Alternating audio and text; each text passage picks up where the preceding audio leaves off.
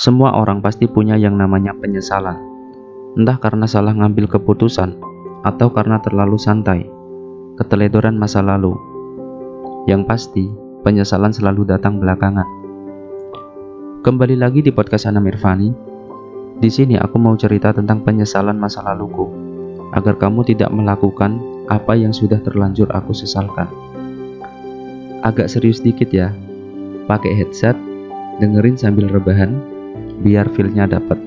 Hmm. Aku adalah tipe orang yang mempunyai ingatan jangka panjang yang cukup baik. Aku dapat mengingat kejadian di masa lalu lumayan detail. Bahkan kejadian di usiaku yang saat itu aku masih berumur 2 tahun pun aku ingat jelas. Jika itu berkesan.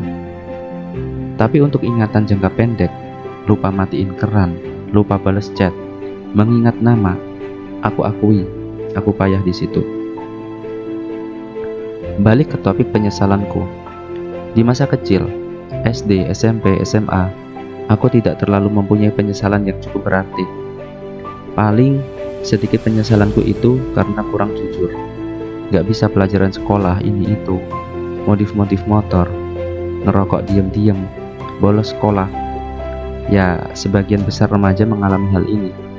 Wajar untuk seseorang yang masih labil belum menemukan jati diri.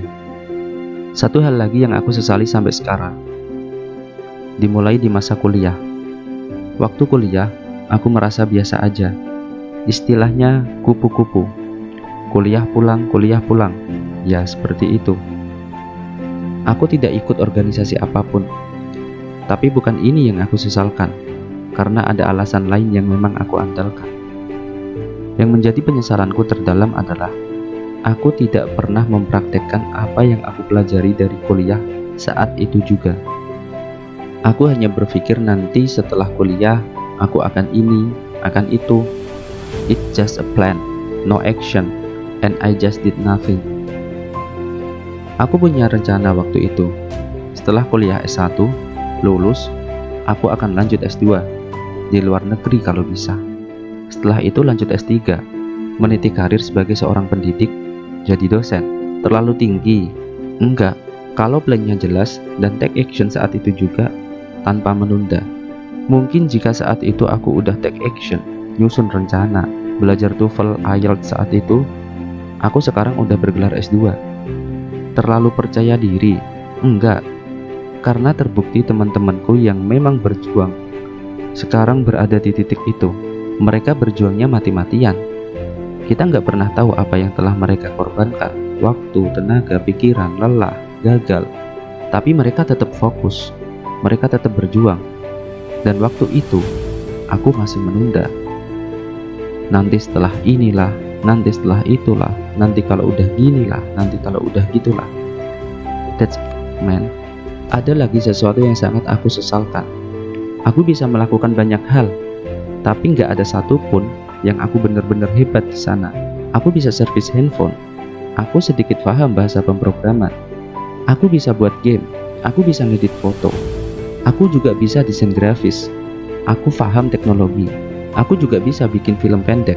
Dan aku juga bisa bahasa Inggris. Tapi, dari semua itu, tidak ada satupun yang aku benar-benar ahli. Semuanya biasa-biasa aja. Hal ini sempat membuatku bingung, galau, Mau dibawa ke mana arah hidup ini? Memang, sesal selalu datang di akhir.